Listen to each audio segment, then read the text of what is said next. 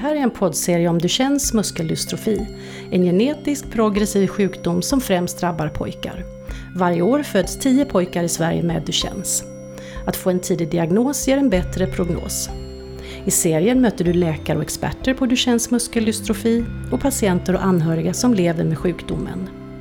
I det här avsnittet träffar du Ulrika Edolfsson, specialistarbetsterapeut och Sara Nordström, neurolog, som berättar om övergången, transitionsperioden, när man går från barnsjukvården till vuxensjukvården och vilka utmaningar som finns. Ulrika Edolfsson heter jag, specialistarbetsterapeut och jobbar då med neuromuskulära sjukdomar i ett team på regionhabiliteringen som tillhör Drottning Silvias barnsjukhus här i Göteborg. Hur länge har du jobbat här? Eh, här har jag jobbat i fem år. Och innan dess så jobbade jag 11 år på Sahlgrenska universitetssjukhuset, också med neuromuskulära sjukdomar, men inom vuxensjukvården då. Och kan man då tala om en transitionsperiod och när är den i så fall? Ja, men det skulle man nog ändå kunna göra. Alltså, tittar man generellt på svensk sjukvård så går man oftast över eh, när man är 18 år. Eh, sen när det gäller Duchennes muskeldystrofi så tittar man på litteratur i världen så pratar man om en transitionsprocess som egentligen är någonstans mellan 13 år och upp till 25. Och det är ju lite olika faktorer som styr det egentligen. Eh, men här i Sverige så, så är det 18 år när man officiellt går över. Men det kan man ju givetvis göra lite olika. Att det är så lång period i vissa sammanhang, vad beror det på? Ja, alltså jag tror egentligen att övergången är vid ett visst datum, även i andra delar av världen. Men man tänker lite utifrån att man bör börja den här övergången tidigare än 18 år. Men det är också kanske utifrån pojkarnas perspektiv så borde man kanske också vänta. För alla pojkarna är ju, har ju inte kanske samma mognad som en 18-åring. Eh, beroende på sjukdomen är klart. Och vad skulle du säga är mest utmärkande för barnsjukvården när det gäller patienter med Duchennes muskeldystrofi? Ja, men alltså Duchennes muskeldystrofi är ju en komplex sjukdom kan man säga med, med utifrån muskelarrangemanget och bakgrunden till sjukdomen. Då har man ju också olika symptom klart. Eh, och det gör ju också att de här pojkarna behöver ju olika delar av sjukvården. Och tittar man på barnsjukvården så är ju den mer sammanhållen kan man tänka sig. De här pojkarna följs ju här på regionhabiliteringen då, eh, en gång om året eh, oftast. Och då följer vi ju också och ser att de här pojkarna får det de behöver inom annan specialistsjukvård. Eh, och sen har de en lokal habilitering oftast, som då också är lite mer sammanhållen och tar upp många delar i i pojkarnas vardag och också utifrån deras aktivitetsperspektiv då, det stödet de behöver. Kan du berätta om ert arbetssätt på enheten? Ja, det som utmärker oss på regionhabiliteringen och, och det neuromuskulära teamet, det är ju också att vi jobbar mycket med systematisk uppföljning kan man säga. Det låter ju lite torrt och tråkigt men det handlar ju mycket om att vi gör samma former av, av eh, bedömningar, utvärderingar för att så att säga följa olika saker som vi vet är viktiga under uppväxten för de här pojkarna. Och eftersom vi träffar så många pojkar så har vi också möjlighet att se kanske olika mönster. Och de här bedömningarna och undersökningarna vi gör gör ju också att vi kan ibland vara steget före. Komma med rekommendationer som vi vet att pojkarna behöver. För eftersom det är en progressiv sjukdom så är det ju också en utmaning att kunna ge rekommendationer till pojkarna och till familjerna när pojkarna inte är så gamla. Men att de ändå behöver starta med vissa åtgärder för att så att säga må så bra som möjligt lång tid framöver. När barnet kallas hit så skickar vi också en kallelse till den lokala habiliteringen. Och då har de möjlighet att eh, ringa hit innan och kunna eh, prata om vad de har gjort. Eh, och sen kan vi ringa till dem Eh, för att så att säga de också får reda på rekommendationerna som vi har gett till familjen. Eh, så vi försöker ha ett bra samarbete där. Från ditt perspektiv och din roll, vad är det för utmaningar som patienter med Duchennes muskeldystrofi har när det gäller övergången från barnsjukvård till vuxensjukvården? Ja, men alltså det här är ju en period där alla ungdomar så att säga, det kan vara skört helt enkelt när man ska gå in i den där perioden att bli vuxen. Och för pojkarna med Duchennes muskeldystrofi så blir det här extra eh, ibland extra stort. Dels för att just under den här perioden så kan det också bli att de här pojkarna tappar funktion och också då tappar lite av sin självständighet när man egentligen ska bli mer och mer självständig. Och det är en utmaning. Eh, dessutom så blir det ju en utmaning för att man kanske har varit här sedan man har varit fem år och så träffat oss varje år. Eh, vi är inget jättestort team, så det är också ungefär lite skillnad men ändå samma personer ungefär. Man lär känna varandra. Ja, men man gör ju det och det kan också bli ett tapp där. Att känna, man känner en trygghet där, man vet vad som komma skall. Och så ska man komma över i vuxensjukvården och det kan ju bli en väldig otrygghet. Plus att man då håller på att bli vuxen och de utmaningarna som alla ställs inför där. Inom barnsjukvården generellt så har man ju ett familjecentrerat perspektiv kan man säga. Eh, men, och inom vuxensjukvården så har man ju mer ett klientcentrerat eller patientcentrerat perspektiv. Vilket då lite mer innebär att när du kommer i vuxensjukvården så ska du mer själv eh, hålla samman alla kontakter och du kanske behöver flera olika specialistkontakter eh, eh och då är det inte riktigt någon som samordnar det. Och det här kan ju bli en utmaning. Och samtidigt så vill du bli självständig och sköta dig själv. Och du kanske inte riktigt har den möjligheten. Eh, så det är en utmaning kan jag tycka. Eh, och också lite det här att det är också en utmaning för familjerna. Eh, för det är ju inte alltid kanske så lätt att släppa sin ungdom. Och har då ungdomen en del andra behov så kan det ju vara ännu svårare att som förälder släppa. Och då kan man ju också få en svårighet att bli självständig som ungdom där. Finns det etiska utmaningar? Ja, men det tycker jag väl ändå att det gör. Ehm, dels så handlar det ju faktiskt under uppväxten hur mycket man som, som barn och ungdom vet om sin sjukdom. Vi inom sjukvården har ju också flera etiska aspekter att ta hänsyn till. Hur ger man rekommendationer till exempel till ett barn och ungdom där man vet att de har en progressiv sjukdom? Men de behöver ju ändå få rekommendationerna. Hur gör man det på ett bra sätt? Det handlar ju också lite om den här etiska aspekten att har barnet, ungdomen den, eh, om man säger, även om de har en kronologisk ålder så att de ska vara självständiga, har de den mognaden? Eh, man vet ju också då att det förekommer en hel del eh, neuropsykiatriska svårigheter i, i så att säga Duchennes muskeldystrofi. Och det gör ju också en utmaning att kunna ge rekommendationer utifrån den mognadsprocessen. Eh, och också vissa killar de vill inte riktigt veta eh, och då kanske man har väntat länge och föräldrarna skyddar. Eh, men det blir också en svårighet sen när killarna så att säga ska bli mer självständiga och kanske sköta mycket av det här själva. Så det är en utmaning, helt klart. Du har talat om åldersadekvata hjälpmedel. Berätta hur du tänker kring det. Ja, men alltså så är det ju också. Det, det kan man ju tänka sig också då när killarna börjar att komma upp i den åldern att de har, kanske får svårt att gå långa sträckor och behöver ett förflyttningshjälpmedel och så. Och då pratar vi en del om åldersrelaterade hjälpmedel utifrån att till exempel föräldrarna kan tycka att det är lättare att ha en vagn eller en sulky. Eh, men vi förordar mer tidigt då att man har till exempel en rullstol. Eh, för att när man börjar i förskoleklass till exempel så har inte de andra barnen sulky eller, eller vagn eller så.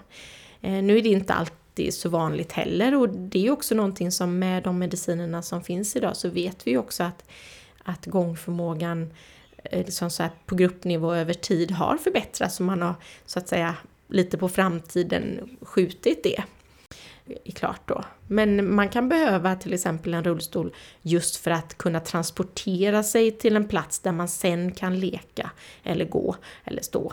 Eh, just för att spara på lite energi då.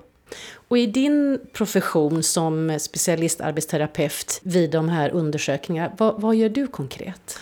Ja, alltså jag tittar ju framförallt eh, utifrån funktion och funktionen tittar jag för att den här pojken och ungdomen ska kunna vara så aktiv som möjligt utifrån hans förutsättningar. Eh, för det är ju ändå som så att under uppväxten så, så är det ju som så att pojkarna utvecklas. Men eftersom sjukdomen också är progressiv så kan man ju också se att man får en försämring i funktion utifrån att man till exempel blir längre eller tyngre eller så vidare. Det kanske inte är muskelkraften i sig som blir sämre och jag tittar ju framförallt då på armarnas funktion och händernas funktion, vilket är väldigt centralt för att kunna vara aktiv i sin vardag. Eh, och det, de här bedömningarna jag gör har jag som förklaringsmodell för att till exempel kunna se vad, vad jag ska rekommendera till pojken och familjen utifrån ett aktivitetsperspektiv. För det är ju min stora del att, att eh, kunna vara aktiv så länge som möjligt. Då. Kan du beskriva hur du mäter och vad du mäter? Eh, ja, jag tittar ju till exempel då på handstyrka och då är det greppstyrka. Då får pojken mm, göra ett maxtryck. Eh, och då är det ju som så att man jämför ju pojken mot pojken, så att säga. Men man har också ett, ett referensvärde mot pojkar som är friska.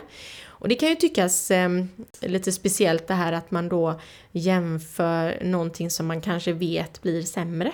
Men där använder vi det helt klart som en förklaringsmodell. Eh, samma sak, jag tittar på övre extremitetsfunktion, alltså armarnas funktion. Man tittar, testet är uppbyggt utifrån funktion, men det är ett test som är uppbyggt utifrån diagnosen. Eh, där man då har tittat på funktion i relation till aktivitet. Jag tittar till exempel på om de kan lyfta en enkilosvikt. Men det handlar om att kunna plocka ner en kanna från en hylla till exempel, ta ett smörpaket i kylskåpet och så vidare. Eh, men det är ju bara för att kunna standardisera det och få en siffra så att säga på det.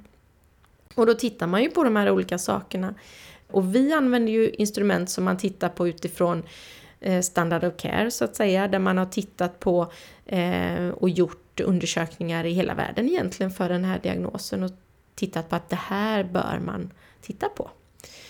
Och det är ju också för att till exempel kunna vara med Eh, i studier och, och titta på läkemedel om de har effekt och så vidare.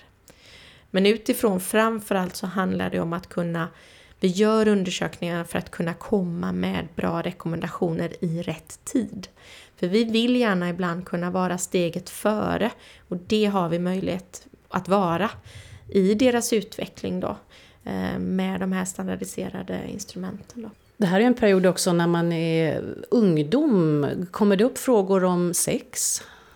Ja, men det gör det ibland och vi brukar vara mm, ganska noga med det också.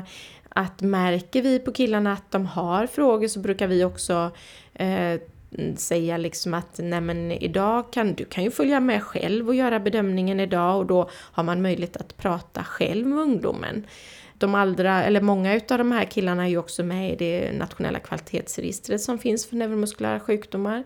Och där får man också fylla i en hälsoenkät, till exempel en hälsoskattning. Och det är också sånt som kan skapa eh, möjligheter att fråga om de här sakerna. Um, för det är en viktig del och det tänker jag att det inte bara är viktigt för killar med Duchenne utan det är ju för alla personer som, som har en, en funktionsvariation kan man säga, så är det viktigt. Jag kan tycka sådär generellt att det inte alltid är lätt att ta upp det inom sjukvården, eh, vilket jag kan tycka är synd ibland, eh, förstås. Jag tycker ändå att det har blivit över tid och jag som har jobbat länge så ser jag ändå att det är mer positivt. Hur kan anhöriga vara ett stöd i den här övergångsperioden? Ja, men jag tänker där att där kan de ju vara ett stöd genom att det finns en tydlighet, att man pratar om de här sakerna. För det är klart att vi vet också att många av de här killarna är lite osäkra, har lite jobbigt med det här med att byta rutiner, att inte veta vad som ska hända. Eh, och då blir det ju väldigt, väldigt viktigt att så att säga ehm, att föräldrarna, i detta fallet då brukar det ju vara, att de kan vara informationsbärare och hålla det här liksom, med samordningsansvaret och, och förbereda på ett bra sätt. Då. Man vill ju bara väl, men kan man i vissa sammanhang vara ett hinder också som förälder, anhörig? Eh, ja, men det tror jag och, och, och jag tror att det kan också vara inget medvetet hinder. Alltså föräldrarna gör så absolut gott de kan och brukar ju vara ett jättestort stöd. Men det kan ju också vara som så att föräldrarna är oroliga. Och det kan ju spilla över på pojkarna. Och föräldrarna vill väl men kanske också då så att säga eh, kommer väldigt nära sina pojkar. Och det kan ju bli ett hinder då att de har svårt att släppa. För det är ju ändå som så att det gör vi nog alla som föräldrar också, att man påverkar ju sina barn. Vad skulle du vilja skicka med till en familj och en patient med Duchennes muskeldystrofi som är, säg 17 år och som ska göra övergången från barnsjukvården till vuxensjukvården? Vad är viktigt att tänka på?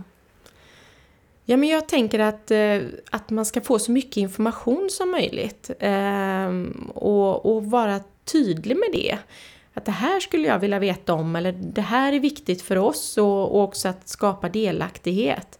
Framförallt för killarna och kunna planera så gott det går. Eh, det är väl egentligen det som... Eh, och be om hjälp om man känner att man inte klarar att och liksom eh, hantera alla de här kontakterna. För det kan ju alltså, de här killarna kan ju ha mellan 40 och 120 sjukvårdskontakter till exempel, eller samhällskontakter. Så det är mycket olika, så tydlighet är väldigt viktigt. Tack så mycket Ulrika Edolfsson, specialistarbetsterapeut på Drottning Silvias barnsjukhus, för att du medverkar här i podden. Tack så mycket.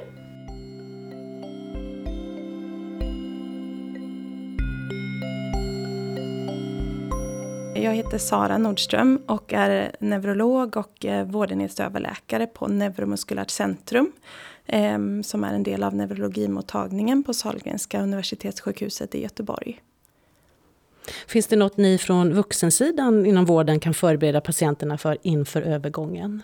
Här i Göteborg så samarbetar vi med regionhabiliteringen på Drottning Silvias barnsjukhus.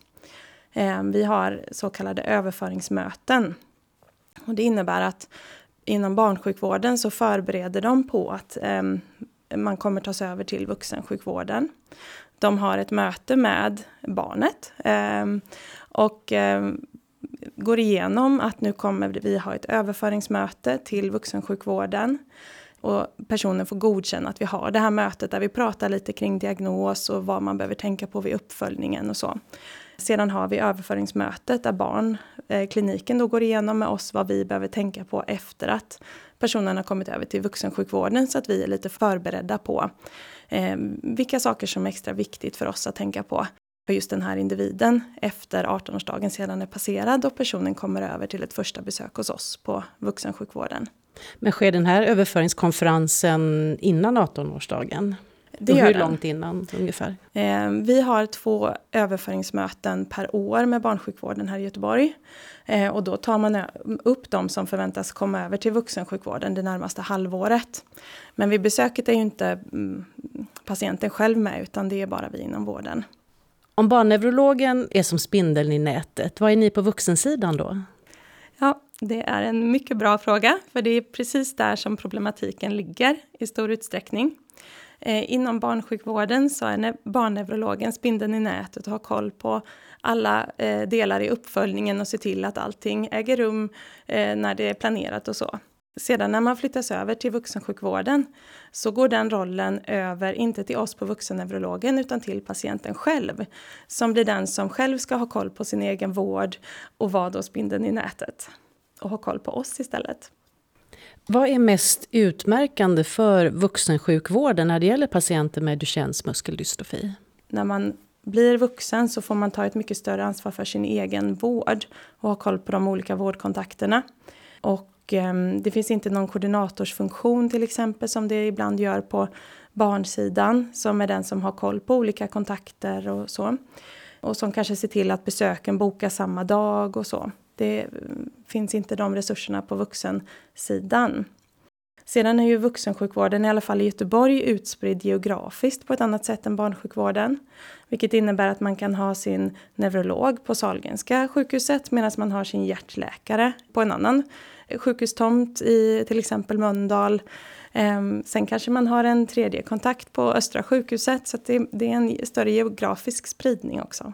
Kommunikationen hos oss sker ju alltid med eh, våran patient, alltså den personen som har Duchenne muskeldystrofi och inte med till exempel föräldrarna som kan ha varit den som man har kontaktat i första hand inom barnsjukvården. Bara det är ju en stor förändring, inte bara för personen med Duchenne utan även anhöriga runt omkring. Att det inte är de som blir kontaktade i första hand utan att vi alltid vänder oss till eh, individen själv.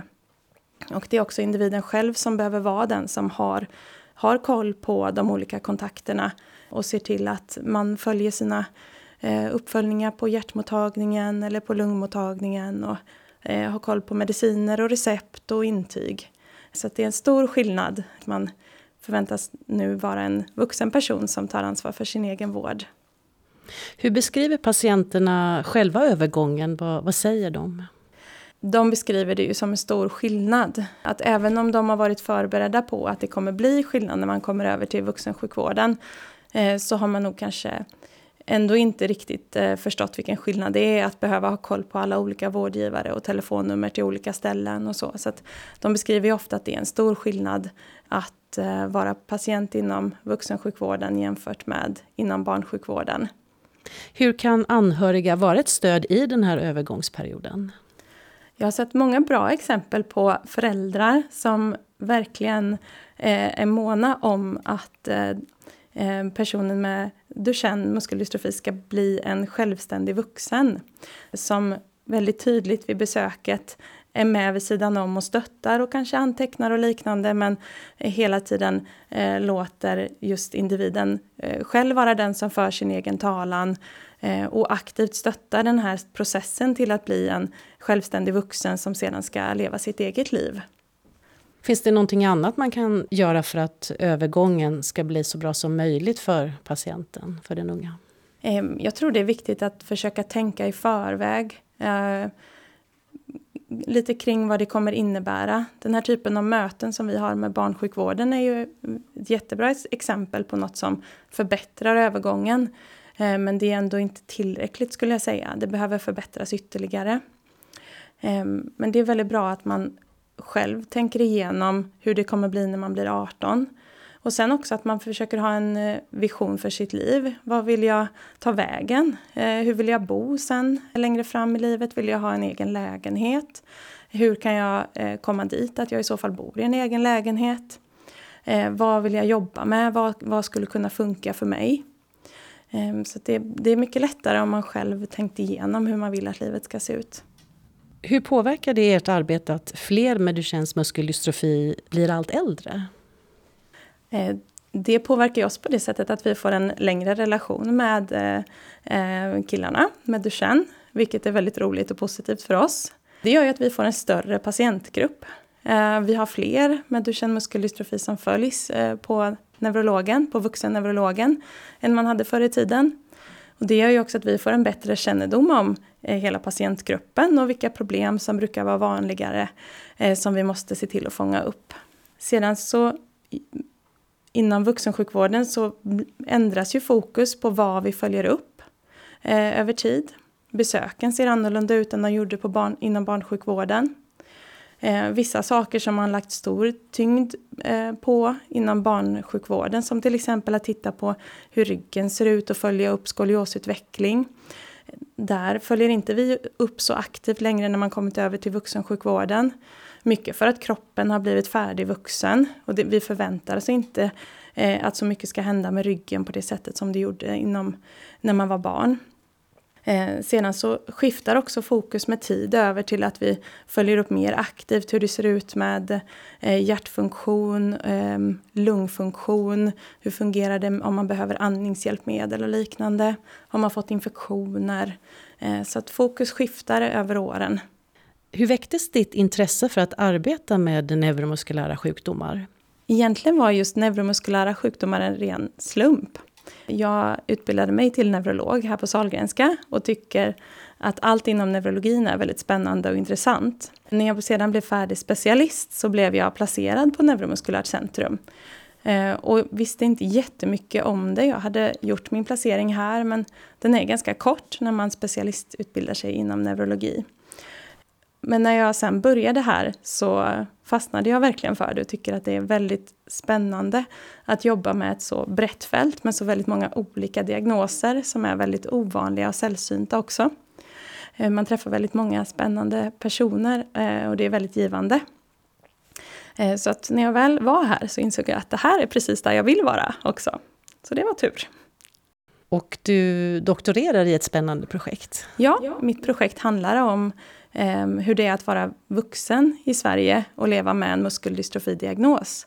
Där Duchenne då är en av de diagnoserna som ingår i mitt doktorandprojekt. Vi vill titta på om det finns ett samband mellan funktionsnivå, hur muskelfunktionen ser ut eh, och hur livskvaliteten ser ut. Eller om det inte finns ett samband.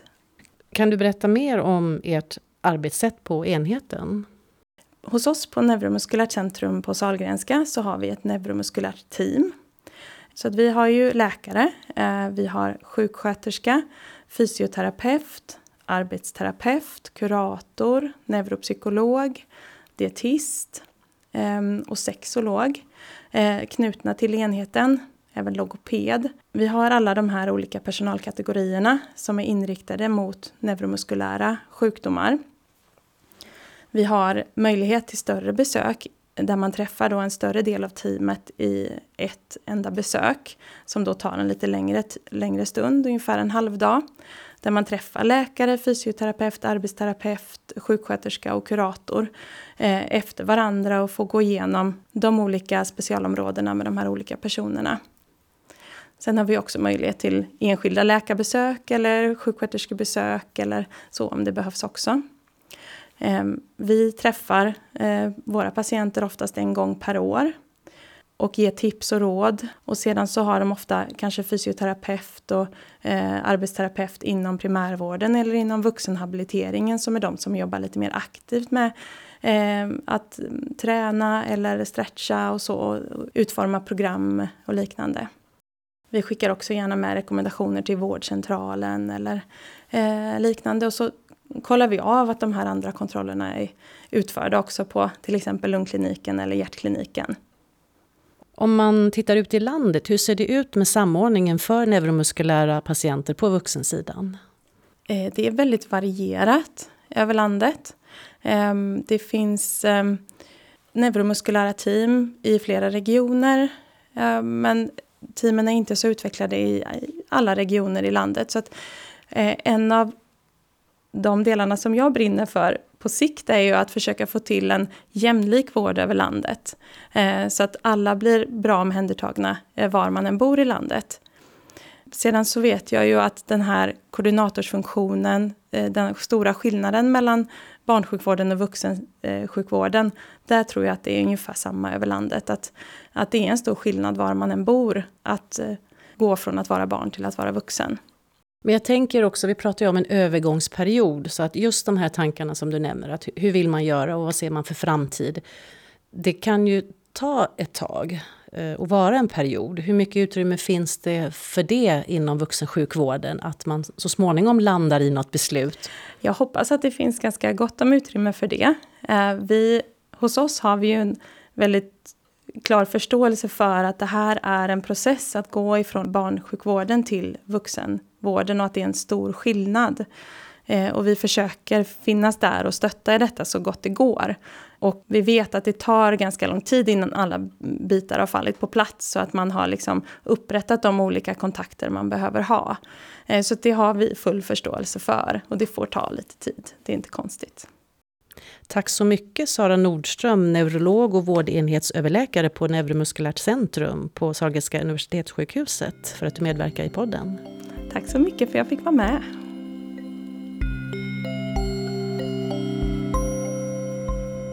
Den här poddserien Känn igen Duchenne, värt att veta om Duchennes muskeldystrofi har producerats av Komma och jag heter Merja Metell Suomalainen. Podden har producerats med ekonomiskt bidrag från PTC Therapeutics.